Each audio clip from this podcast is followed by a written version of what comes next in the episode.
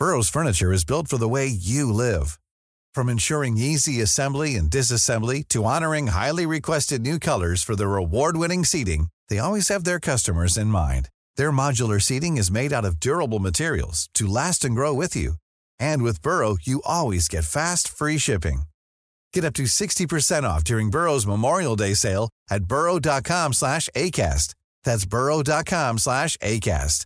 burrow.com slash ACAST. A lot can happen in three years, like a chatbot may be your new best friend. But what won't change? Needing health insurance. United Healthcare Tri Term Medical Plans, underwritten by Golden Rule Insurance Company, offer flexible, budget friendly coverage that lasts nearly three years in some states. Learn more at uh1.com. It's that time of the year. Your vacation is coming up. You can already hear the beach waves, feel the warm breeze, relax, and think about work. You really, really want it all to work out while you're away. Monday.com gives you and the team that peace of mind. When all work is on one platform and everyone's in sync, things just flow wherever you are. Tap the banner to go to Monday.com.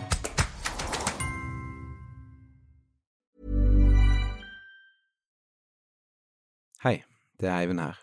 Jeg ville bare si at jeg er overveldet over hvor mange som har lyttet til podkasten. Det har virkelig overgått alt vi i teamet kunne håpe på.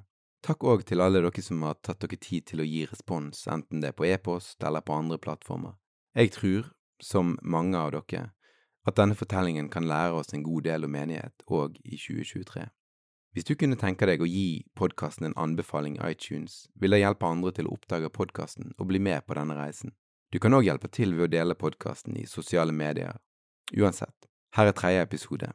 Håper den er av interesse.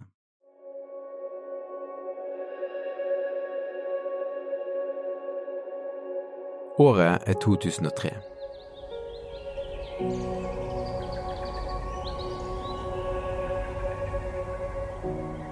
På ei blomsterfylt sommereng i danske Århus står ei stor gruppe norske ungdom med løfta hender og lukka øyne. Enevalg flåtens tjeneste var jo i hele Norden, også i Danmark. Her hører du Leif Jacobsen, pastoren som vi har hørt en del fra i denne podkasten. Han hadde en veldig inngang i Danmark, og fikk en tilhengerskare i Danmark. Menigheter i Danmark som eh, kom til Levende Ord når vi arrangerte konferanser. Så til Levende Ord og Envar Flåten som eh, mentor og forbilde. På et tids tidspunkt så var det snakk om å starte en skole i Århus. Ungdommene ber for enger som de står på. Pastoren deres har nemlig kjøpt denne tomten på en av sine reiser. Her skal Levende Ord bygge høyskole, som skal bli et bruhode for å nå Europa med misjon og evangelisering. Og nå er de kommet for å forberede landet med bønn og evangelisering i Århus.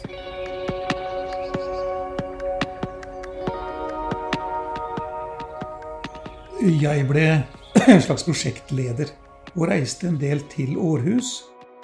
De hadde ansvar for det som skjedde der nede. Og vi hadde sett ut en tomt. Vi hadde kontakt med arkitekt som tegnet utkast til skolebygning. Og vi var kommet veldig langt på vei før eh, det hele ble stanset av det som skjedde når eh, levende ord kom inn i sin krise. Ungdommene som står på blomsterenga har fått høre at det òg skal bygges lignende sentre i Bangkok og Nairobi. Til sammen skal de tre skolesentrene som Levende Ord skal bygge, sende ut misjonærer rundt om i hele verden. Men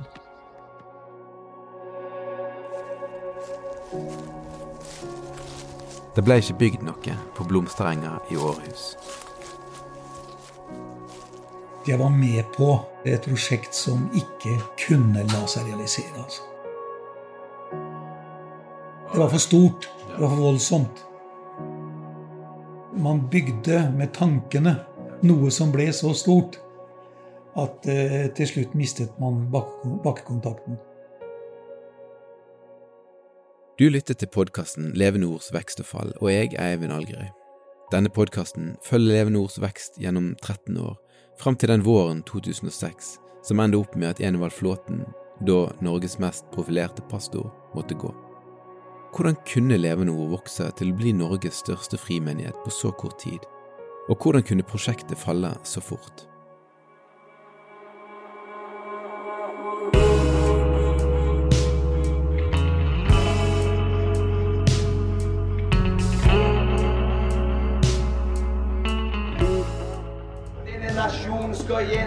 Oppreises til en kristen nasjon som skal utruste og sende ut tusentalls av unge misjonærer ut i verden. Det er det vi er kalt.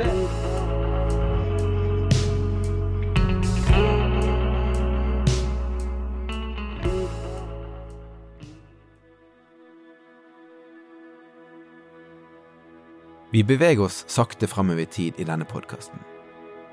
I forrige episode snakka vi om hvordan den imponerende veksten og det høye tempoet i Leve Nord så smått begynte å tære på utover på 90-tallet, og hvordan det sniker seg inn en stolthet og en følelse av overlegenhet som kunne være vond for folk på utsida. Du husker kanskje Jan Helge Hindenes som kollapser på kjøkkengulvet. Og Sten Sørensen, en av Norges fremste pastorer, som fikk høre at han egentlig burde være på Øvre Kråkenes. I denne episoden skal vi befinne oss i tida fra 2002 og fram til 2004. Og om du ser fra utsida, kan det se ut som at menigheten fortsatt vokser. Masse blir profesjonalisert, og Levende Ord får et bedre forhold til pressen.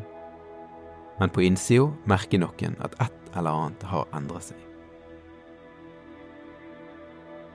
Litt av problemet i denne perioden er at visjonene ser ut til å fortsette å vokse. Ingen setter foten i bakken. Ingen tar timeout. Og bibelskolen som skulle bli bygd i Århus, var et resultat av en sånn visjon. Menigheten kom faktisk så langt at de kjøpte en 13 måls tomt i Danmarks nest største by, der de skulle bygge høgskole og kirke.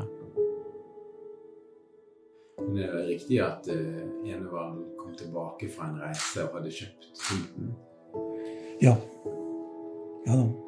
Det var en impulsiv handling, for så vidt. Men det var ikke starten på ideen, eller var det det?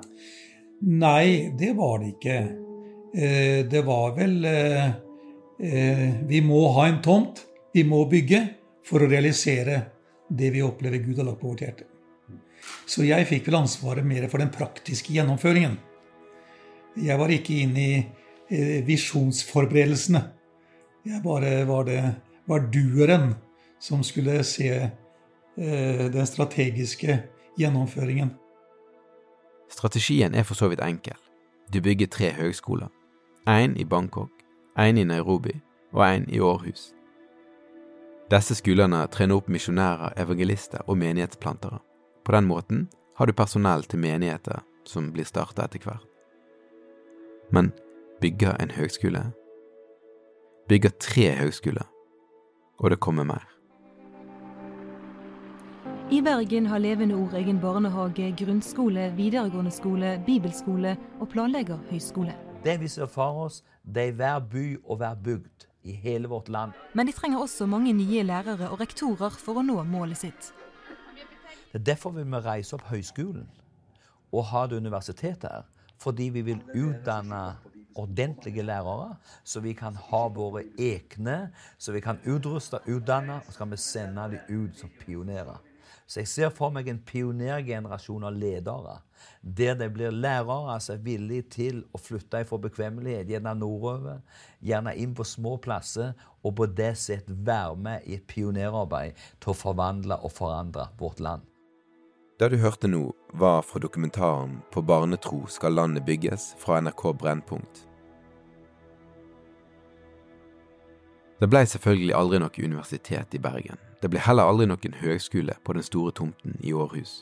Eller Bangkok, eller Nairobi for den saks skyld. Jeg engasjerte meg veldig i Danmark, og ble venner med flere av de. Jeg føler også behov for å beklage overfor de i Danmark som var en del av de eh, strålende mennesker med lang eh, historie som kristne og som kristne ledere i Danmark. at jeg var med på eh, et prosjekt som ikke kunne la seg realisere. Altså. Det var for stort. Det var for voldsomt. Hjemme i Fredrikstad, der han nå bor, gjør det fortsatt vondt for Leif å tenke på de menneskene i Danmark som kobler seg på Levende Ord, starter menighet og levde i den tru at Bibelhøgskolen var rett rundt hjørnet.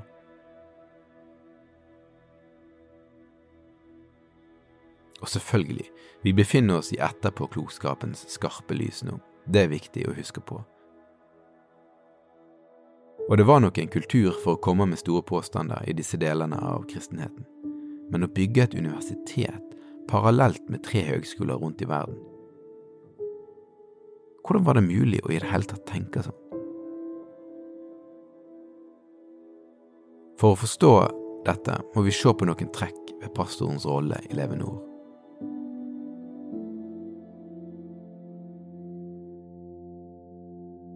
Så han har en gave, men han, han ble for hausa opp. Han ble for fort kongen. Og, og, og da når, når, kongen var på plass, så, så, så, så, var det lett å bygge et rike. Dette er Sten Sørensen igjen.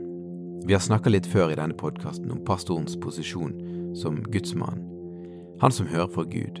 Han som veit hvor vi skal, og som kan snakke inn i situasjoner med stor autoritet. Sten, som fortsatt kaller seg en venn av Enevald, sier at Enevald ble en konge. Og jeg tror jeg forstår hva han mener. Jeg tror dette med visjoner akselererte i denne perioden, inn i noe som ikke lenger handler om Øvre Kråkenes nå Bergen, eller å plante menigheter i regionen. Så langt så hadde man klart å gjøre omtrent det man satte seg fore, i hvert fall om du ikke ser for nøye etter, så nå ble ambisjonene bare større. Sten Sørensen mener at det mangler system for å korrigere, sette på plass, komme med motforestillinger.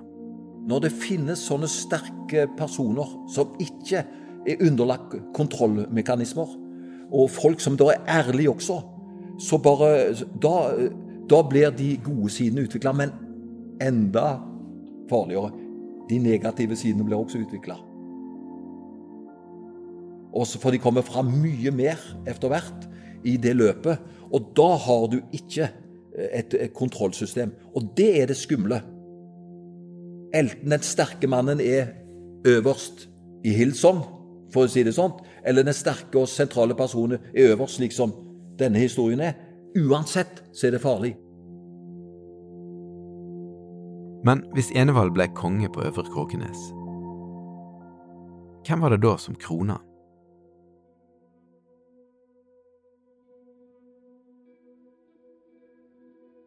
I episode én hørte vi fra anonyme Mari, som var med fra starten av, og som gleder seg over Levende Ord, til tross for at hun følte at hun ikke kjente seg hjemme i det åndelige språket.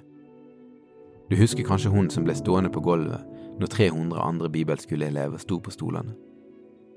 Hun forteller meg at under konflikten i 2006 så fant hun fram en notatbok fra 95 der hun hadde skrevet noe av det som bekymra henne, og som var akkurat det som var grunnen til at krisen oppsto.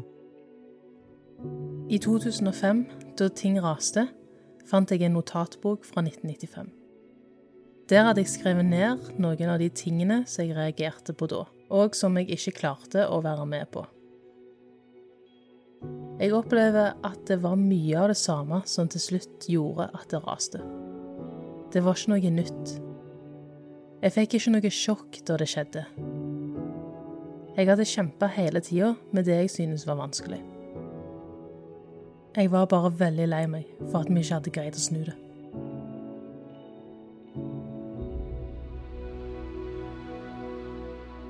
Det handla bl.a. om frykt og kontroll om ledelsen sitt behov for å være synlig og ha makt.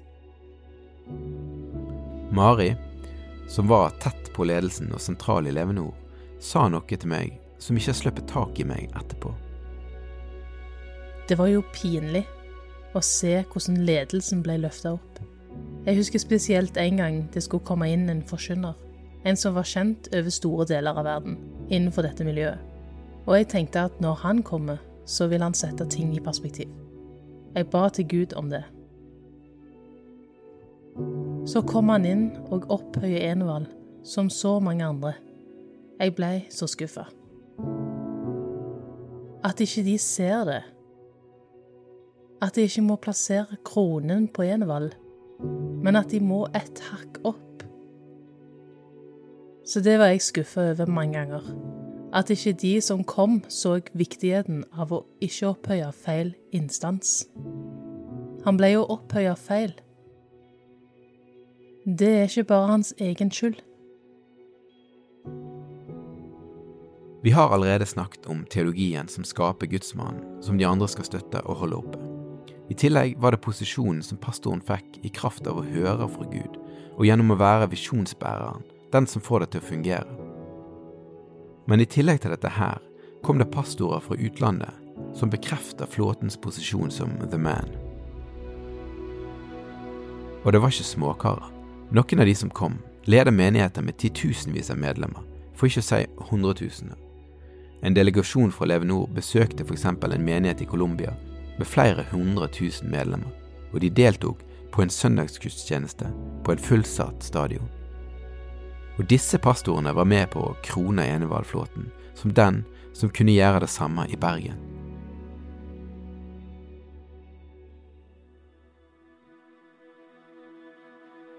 En tidligere medarbeider har fortalt meg at Flåten ved en anledning kom med en bunke bøker og kassettserier med taleserier fra andre forkynnere. Og beskjeden var at han ville utgi ei bok. Lag noe av dette. Og boka blei både laga og utgitt, med Flåtens navn som forfatter. Artikler som var skrevet av høyt kompetente medarbeidere, kunne bli for langt kreditert Flåten i siste liten før trykk. Og det her er selvfølgelig alvorlige beskyldninger. Jeg har snakket med folk som har god kjennskap til denne virksomheten, og de gir et bleikt bilde av troverdigheten til masse av det som ble publisert med Flåtens signatur. Altså at Flåten ikke var opphavsmannen til masse av det. Skyggeskribenter er jo ikke en ukjent praksis, så betyr det noe. Er det så nøye om en pastor fikk æren for mer enn det han faktisk gjorde? Jeg tror kanskje det. For jeg tror at det kan ha bidratt til den stoltheten og følelsen av å nærmest være uovervinnelig og å makte alt.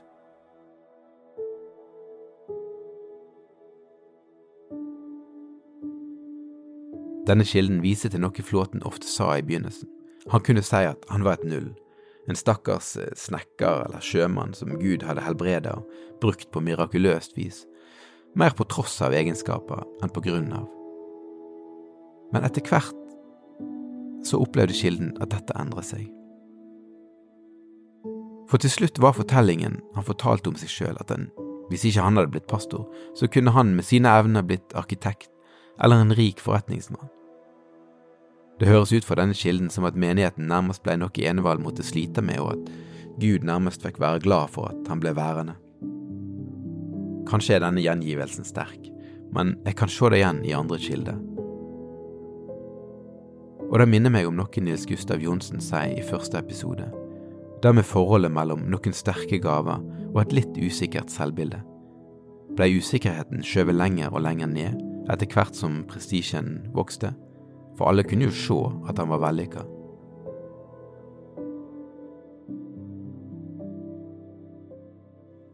Det er ikke meningen å fjerndiagnostisere, men sånne tanker dukker opp hos flere av de som jeg har snakka med denne høsten.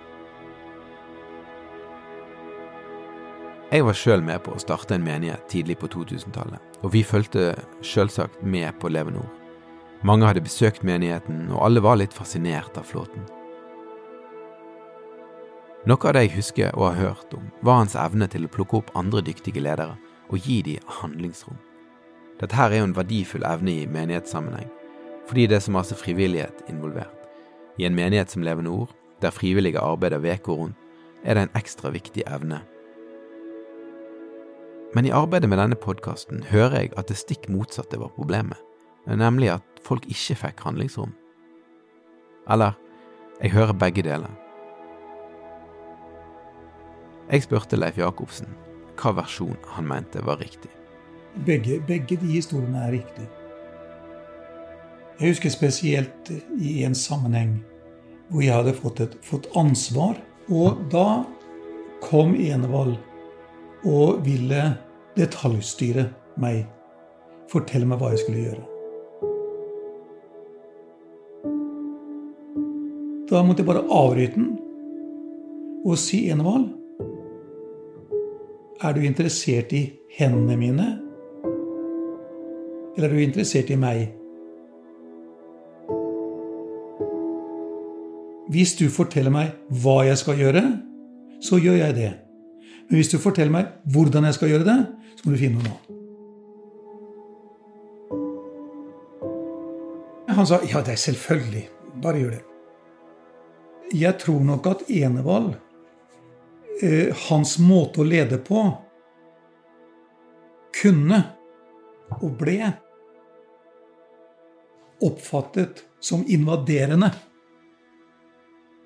og styrende hos noen. Men møtte du han, så respekterte han det. Noen kanskje ikke vågde å komme med den innvendingen. Ja. Jeg kjenner jo flere av mine kjære venner fra Lev Nord-tiden som led. Fordi de visste at dette er ikke riktig.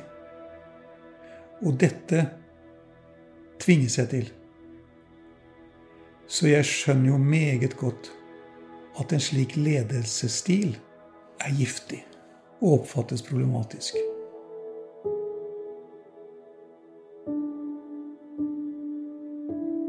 Så Enevald var nok en som kunne gjenkjenne talent og sette folk inn i tjeneste. Men kanskje var det gründerens indre press om at alt måtte gå bra, at det måtte lykkes, som gjorde at noen merka at de etter hvert fikk mindre og mindre handlingsrom. Men det kunne altså bli et problem hvis noen hever seg over Enevald. En sånn hendelse kom opp i dagens lys under et ledermøte i 2006 der man snakka ut om ting som hadde vært. Knut Egil Benjaminsson, som du hørte i episode to, forteller om en bibelskolerektor som hadde fått heder og ros fra elevene sine under en avslutning. Han var den nærmeste pastoren som elevene forholdt seg til, i hvert fall. Han var, han var der fordi dem, de kom til han hvis det var noe, og han var en uh, nydelig bibelskolerektor fordi de var veldig glad i han. da. Og de ville gjøre stas på han på slutten av året, på bibelskoleavslutningsfesten. Og, og på den festen så kom jo ledere i menigheten, og selvfølgelig Enevald. Men, men, det som skjedde da, var at det ble veldig reagert på i etterkant, og at Jan Erik fikk såpass mye fokus. Det ble tatt opp fra, av Enevald da, på den måten at eh, Jan Erik dagen etterpå, på bibelskolen, så måtte han si til elevene at det var feil at han fikk så mye fokus på avslutningsfesten, når det var Envald da som hadde starta hele dette her eh, Altså så hadde starta bibelskolen og eh, pionera fram det arbeidet. Så da måtte, måtte Jan Erik liksom få, få satt i, i rett, rett sjikk da overfor, overfor elevene. Og det som var kanskje mest skremmende med den historien, var at det var en representant fra administrasjonen som var der nede for å se til at dette ble sagt på, på den måten det skulle.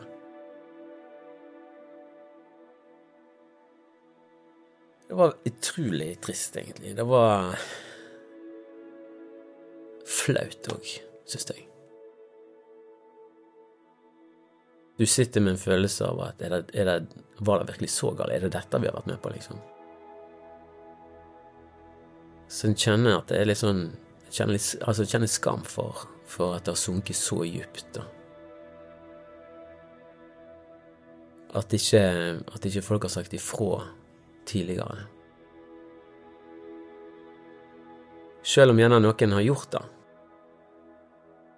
For folk Det var jo ledere som som for gjennom årenes løp, sant? som gjerne har prøvd å, å, å, peke litt på, på visse svakheter.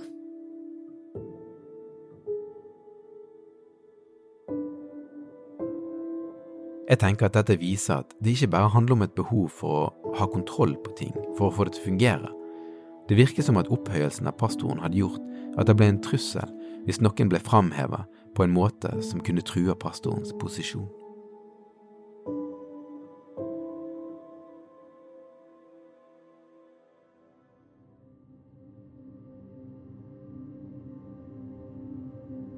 Vi har sett at pastoren i en menighet som Levende Ord har masse makt.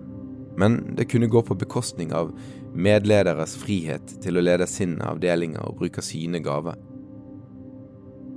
Paradoksalt nok skjedde dette til tross for at flåten tidvis kunne være flink til å gi mennesker rom. Etter Levende Ord-tida drog Leif Jacobsen til USA for å forske på ledelse av menighet. Han tok en doktorgrad i ledelse og menighetsplanting, og noe av det han så på, er forholdet mellom den eneveldige lederen som får gjort masse, og mer maktfordeling mellom ulike organ i en menighet. Det er jo en problemstilling som selvfølgelig fortsatt er høgst aktuell i moderne menigheter.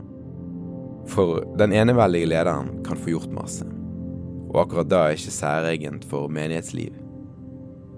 Så det blir en avveining, en avveining som nok virker enkel for mange av de som på 80- og 90-tallet kom ut av krympende og tungrodde forsamlinger for å starte nye og mer lettbeinte menigheter. Jeg tror akkurat dette her er noe Leif har tenkt masse på, så jeg spurte han om hva han nå mener er enledermodellen verdt omkostningene. Nei. For nå snakker vi om Guds rike. Vi snakker ikke om et firma som skal produsere et produkt for et marked. Vi snakker om Kristi kropp, vi snakker om Guds menighet. Og der er det ikke plass for diktatorer. Fordi det ikke er plass for å bruke mennesker. Man kan ikke ønske mennesker velkommen til et prosjekt når man ønsker dem velkommen i en menighet. For da er medlemmene verdifulle så lenge de produserer noe. I en sammenheng der resultatet blir viktig, kan nok enkeltmennesket sitte igjen med en følelse av å ha blitt brukt. Og Leif tror at det kan ha vært en følelse hos en del på levende ord. Ja, og, og ordet manipulasjon det at man på ulike måter får mennesker til å gjøre noe som de under normale omstendigheter ikke ville ha gjort, det er manipulasjon. Og igjen blir visjonene viktig. Enevald var visjonsbæreren, han som satt lengst framme på spydet som skulle bryte gjennom Norges sekulære slør. Mennesket skulle bli vekt. Tusenvis av misjonærer skulle bli sendt ut. Og jeg tenker, det skal ikke masse til for at mennesket ender opp med å bli pressa, eller kanskje manipulert, i et system som er gjennomsyret av en sånn forventning om kontinuerlig vekst, seier, framgang.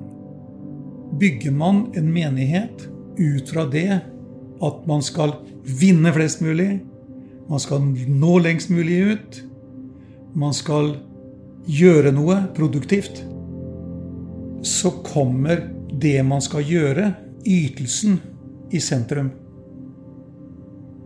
Mens jeg mener at i en kristen menighet så er man. Det er ikke det at man gjør, men man er. Og da snakker man om frukt av et liv. Man snakker ikke om produktet av en handling.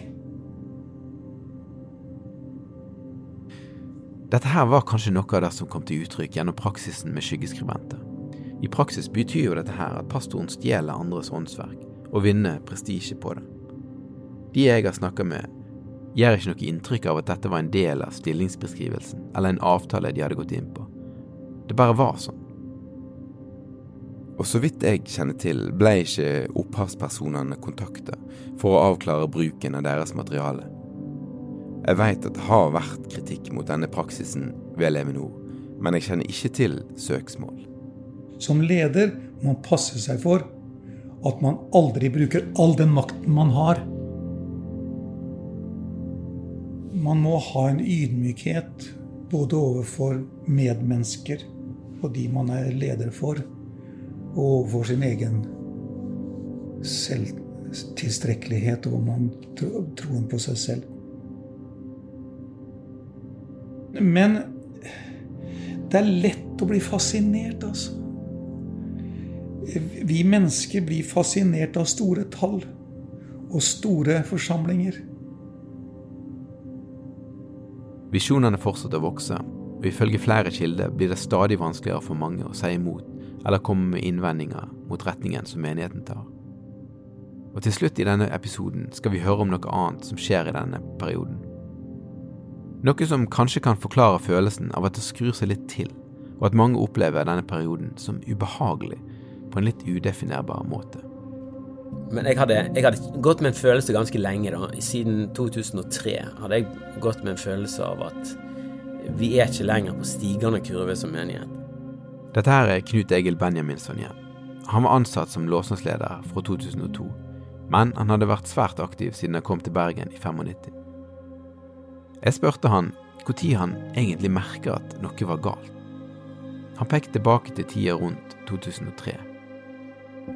Det var ikke en følelse av krise eller at dette kan gå virkelig galt. Det var bare en, en opplevelse av at eh, vi, vi, er ikke like fremadstormende som vi var tidligere. Uten at jeg klarte helt å sette fingeren på det. Hva tror du som gjorde det? Det er faktisk ganske vanskelig å si. Jeg eh, var jo vant til at folk kom og gikk i forhold til at du har en bibelskole. Sånn at jeg mye gjennomtrekk der så så jeg noen som reagerte mot det, så, hvordan vi hadde det. Og, men da hadde det egentlig aldri alltid vært òg. Det var jo ganske edgy, det vi holdt på med. Og det var ikke alle som var komfortable med det. Og det kunne jeg forstå. Var det en følelse av at at Gud trekte seg litt tilbake?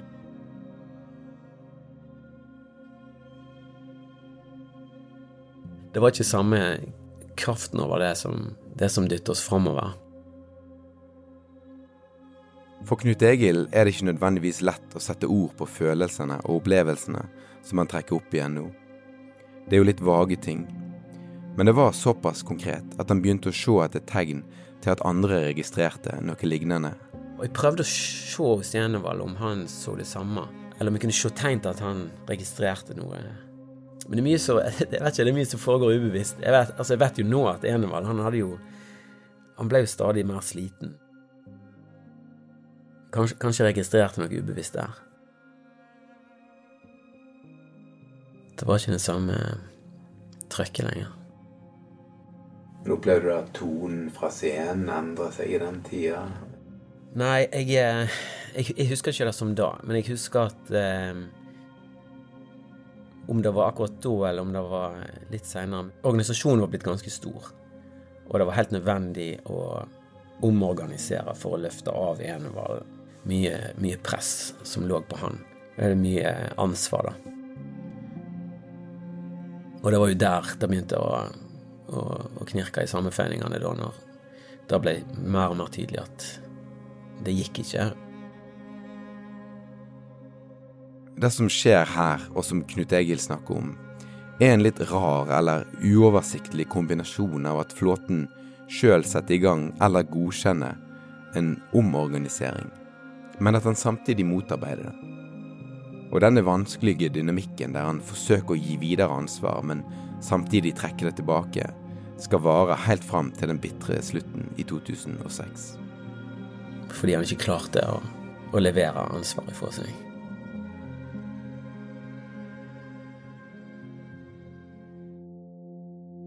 En annen sentral kilde sier noe av det samme som Knut Egil.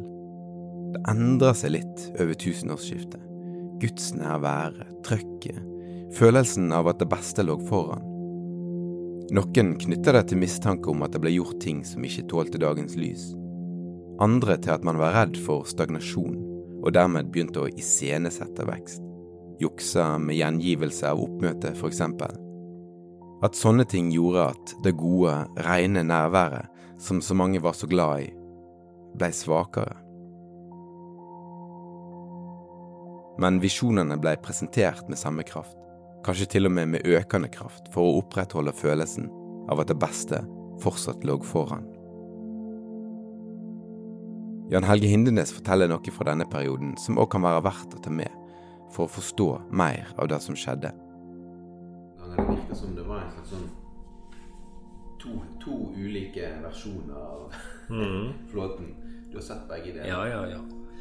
Jeg eh, vil først si da at eh, hans tjeneste Han er vel en av de to gudsmennene som på en måte har betydd mest for meg. For å på en måte bli forløst i eget kall og egen tjeneste. Det tror jeg jeg vil si. Så han hadde veldig sterk side der at han så ting, han så gaver. Men han hadde òg den der usikra sida når han ble trua Eh, når han følte seg trua, når folk stilte spørsmålstegn med det som han på en måte mente og tenkte, så kunne du se et annet reaksjonsmønster.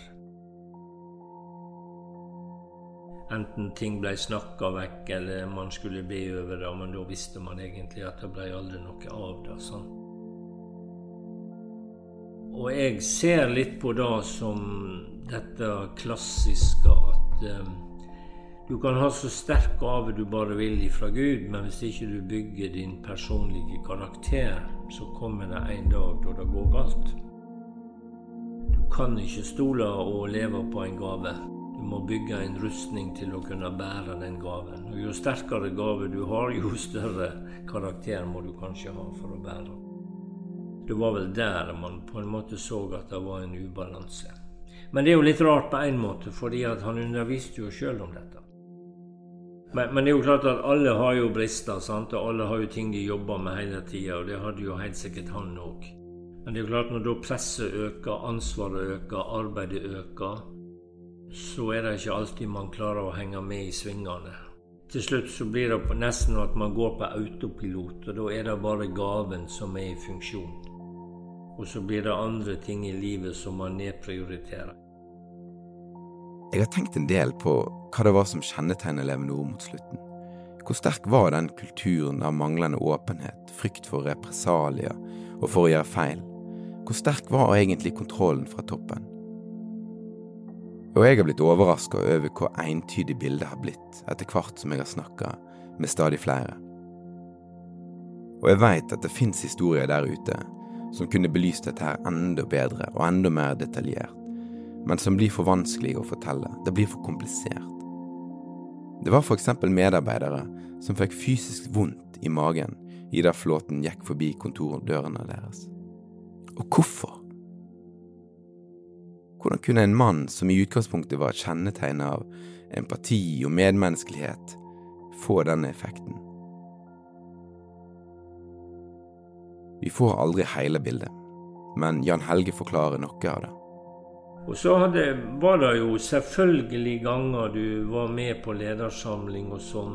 Så var det jo ikke alltid at alle kunne være på ledersamlingen. Og da hendte det jo av og til at det var ikke alt som ble sagt om de lederne som ikke var til stede, som jeg syntes var like positivt. De ble omtalt på en måte som jeg ikke likte. Så vidt jeg skjønner, så må det ha vært en aksept for å snakke negativt om mennesker som ikke var til stede. Snakke ned medarbeidere, enten det var fordi de hadde gjort noe feil, eller bare for å holde de på plass. Og jeg husker da jeg gikk ut av en ledersamling, så tenkte jeg da at jeg lurer på hva han sier om meg når jeg ikke er til stede på ledermøtet. Enevold er Enevold. Han er impulsiv, han lar seg rive med. Han mener ikke noe ondt med det. Og det tror jeg ikke han gjorde heller, for så vidt. Men ja, så eh, det ble jo ikke, ble jo ikke gjort noe med.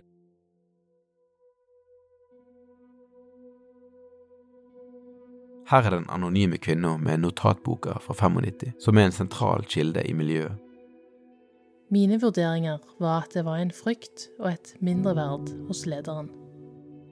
Og når dette slår ut, så får en behov for kontroll. Alle blir påvirka, og det blir et usunt miljø. Jeg husker en leder som hadde kjent han før Levenor. Hun sa seinere at hun ikke kunne forstå at folk kunne være redd Enevald. Han var en enkel mann som bare ville gå Guds vei. Men det var akkurat som om det ikke var en skikkelig kontakt mellom oss innad i menigheten. Det skjedde en fremmedgjøring. Og det var så trist, for det var så masse bra folk. Det har ikke noe for seg å løfte fram alle mørke sider ved levende ord i denne podkasten. Men noe må nevnes. Fordi det ble viktig for å bringe levende ord til en uunngåelig slutt.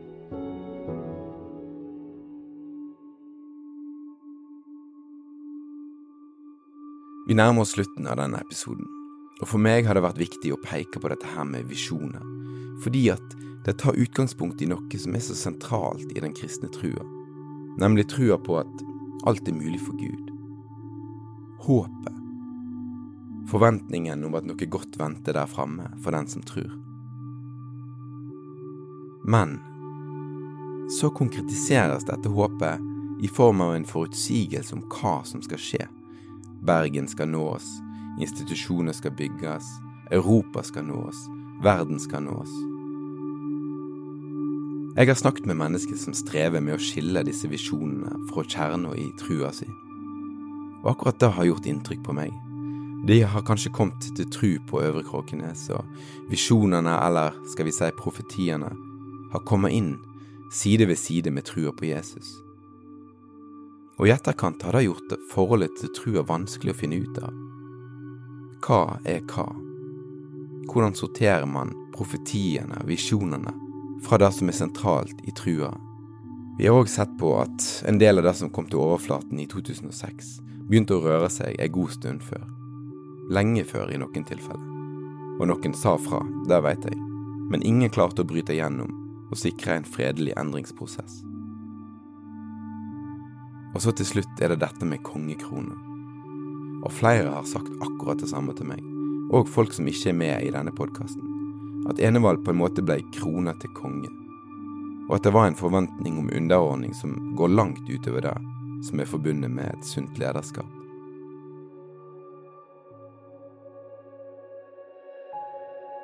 Og så innser jo jeg selvfølgelig at masse av dette her har kommet til å handle om én person.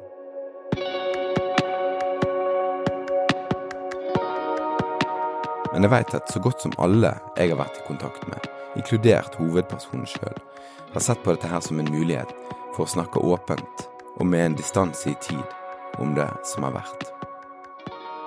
Og i neste episode er det tid for å høre fra Enevald Flåten sjøl. Der ser han Sollem, Der ser han. Der, ja. Hello. Enevald, velkommen. Så hyggelig. Så hyggelig. Du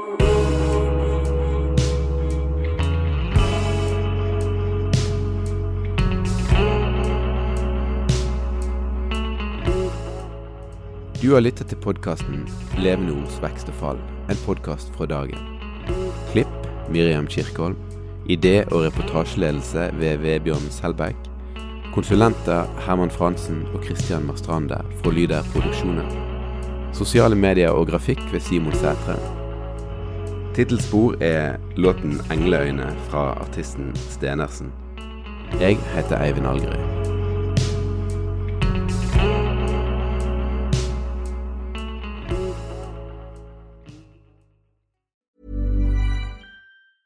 Hey, it's Paige DeSorbo from Giggly Squad. High quality fashion without the price tag. Say hello to Quince. I'm snagging high-end essentials like cozy cashmere sweaters, sleek leather jackets, fine jewelry, and so much more. With Quince being 50 to 80% less than similar brands. And they partner with factories that prioritize safe, ethical, and responsible manufacturing. I love that. Luxury quality within reach. Go to quince.com slash style to get free shipping and 365 day returns on your next order. Quince.com slash style.